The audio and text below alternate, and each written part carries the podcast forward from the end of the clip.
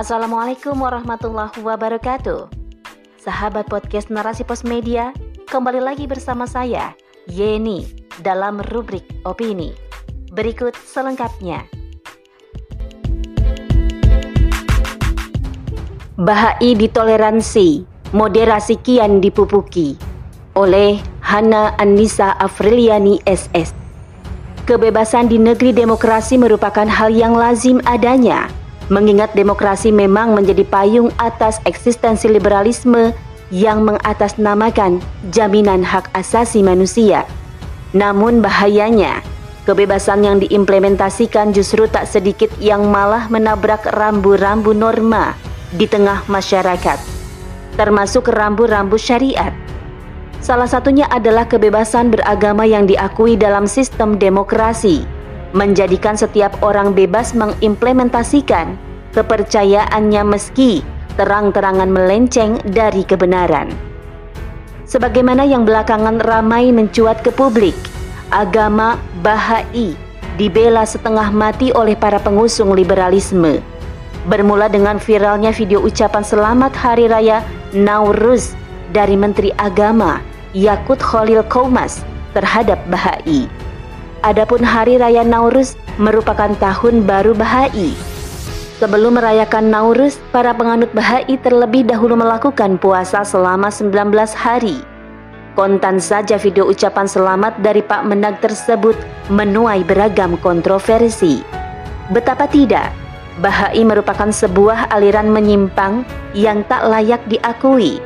Pun Bahai tidak termasuk ke dalam enam agama yang diakui di negeri ini. Bahai juga tidak dapat dikatakan sebagai bagian dari aliran agama Islam. Sebab beberapa ajarannya tampak tidak sejalan dengan Islam. Dilansir dari wikipedia.com, ajaran Bahai di antaranya menyatakan bahwa agama Tuhan itu harus sesuai dengan ilmu pengetahuan.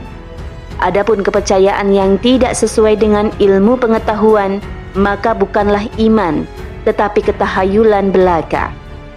Dalam ajaran Bahai, sejarah keagamaan dipandang sebagai suatu proses pendidikan bagi umat manusia melalui para utusan Tuhan yang disebut para perwujudan Tuhan.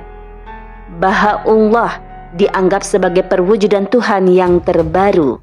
Dia mengaku sebagai pendidik ilahi yang telah dijanjikan bagi semua umat dan yang diwahyukan dalam agama Kristen, Islam, Buddha, dan agama-agama lainnya. Selain itu, dalam ajaran Bahai, ibadah haji bukan ke Baitullah di Mekah, tetapi ke rumah tempat lahirnya Al-Bab Mirza Ali, ziarah ke tempat penjaranya dan ke rumah 18 pemimpin lainnya.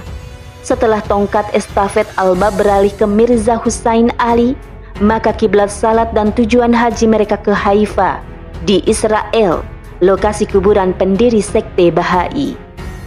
Jika menilik sejarahnya, Bahai pertama kali muncul di Persia pada tahun 1863. Pendirinya adalah Mirza Husain Ali Nuri yang bergelar Baha'ullah yang bermakna kemuliaan Tuhan. Aktivitasnya pada saat itu sangat terbatas, sebab wilayah Persia pada saat itu berada dalam genggaman Daulah Khilafah Islamiyah.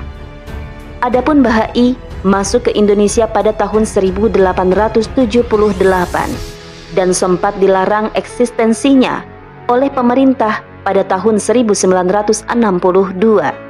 Namun kemudian larangan tersebut dicabut lewat keputusan Presiden nomor 69 tahun 2000. Meski sudah nyata kesesatan ajaran Bahai, namun masih banyak pihak-pihak yang membelanya, bahkan dari kalangan pemerintah.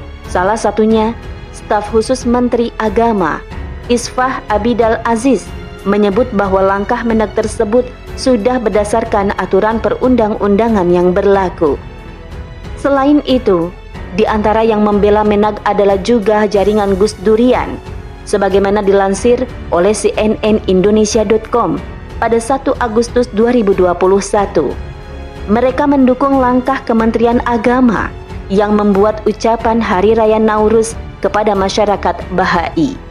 Menurut Gus Durian, langkah Kemenag mempublikasikan ucapan tersebut sudah tepat.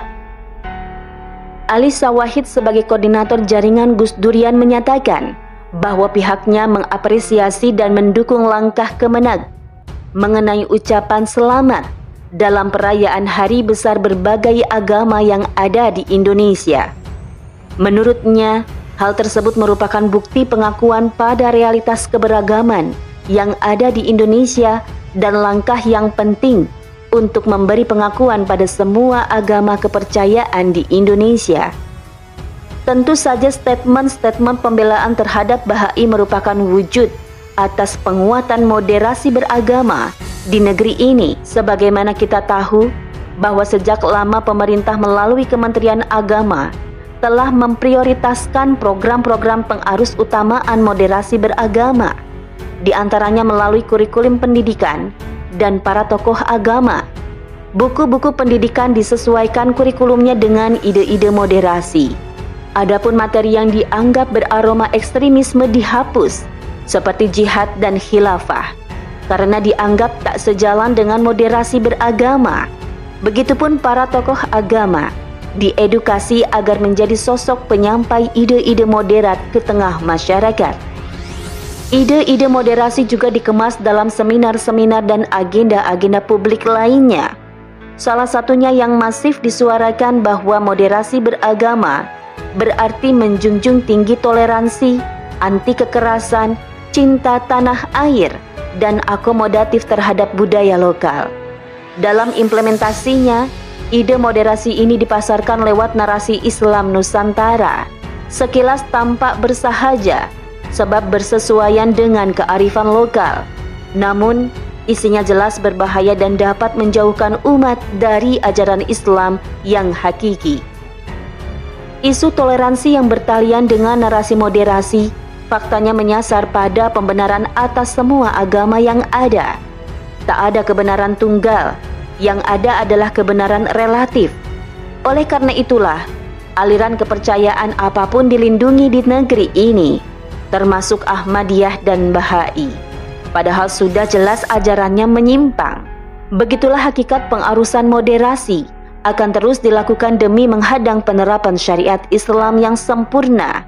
Hal tersebut sejalan dengan proyek War on Terrorism yang dihembuskan AS pasca terjadi WTC pada 11 September 2001.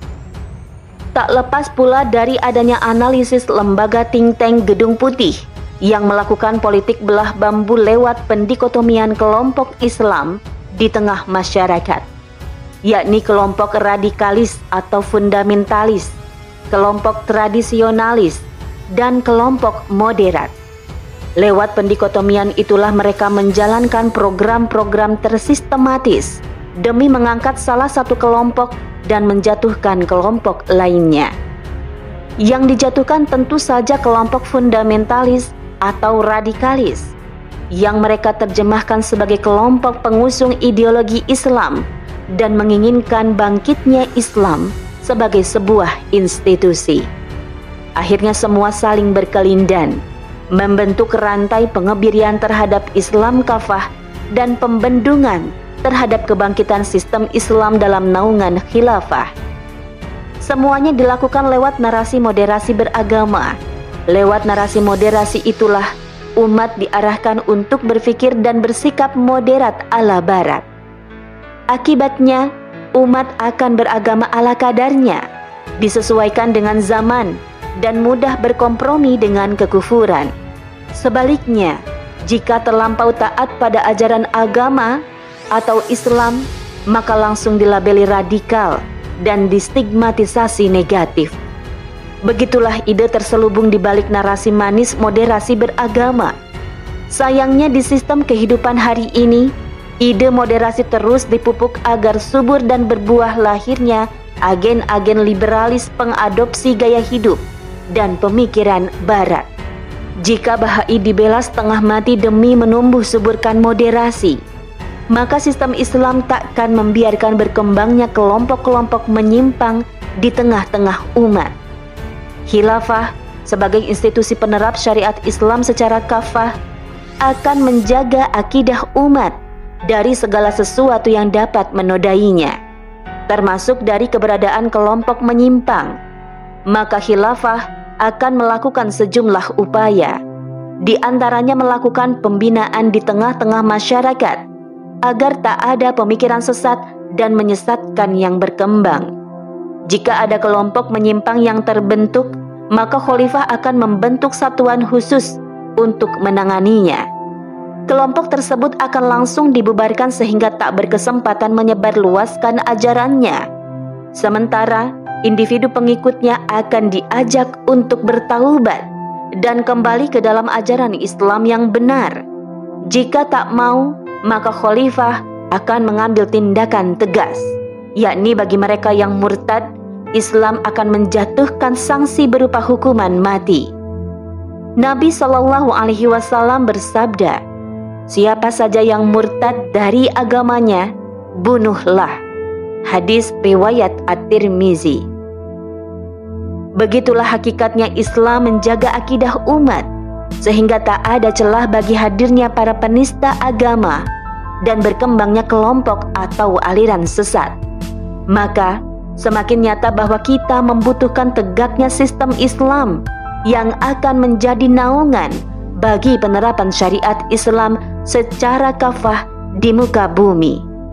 Hanya dengan itulah umat manusia hidup diliputi kebaikan, keberkahan, dan kesejahteraan dalam hidupnya, serta keselamatan baginya di akhirat kelak. Lantas, masihkah kita ragu akan kebenaran Islam sebagai sebuah sistem kehidupan? Mari kita buktikan terapkan syariat, tegakkan khilafah. Allahu Akbar.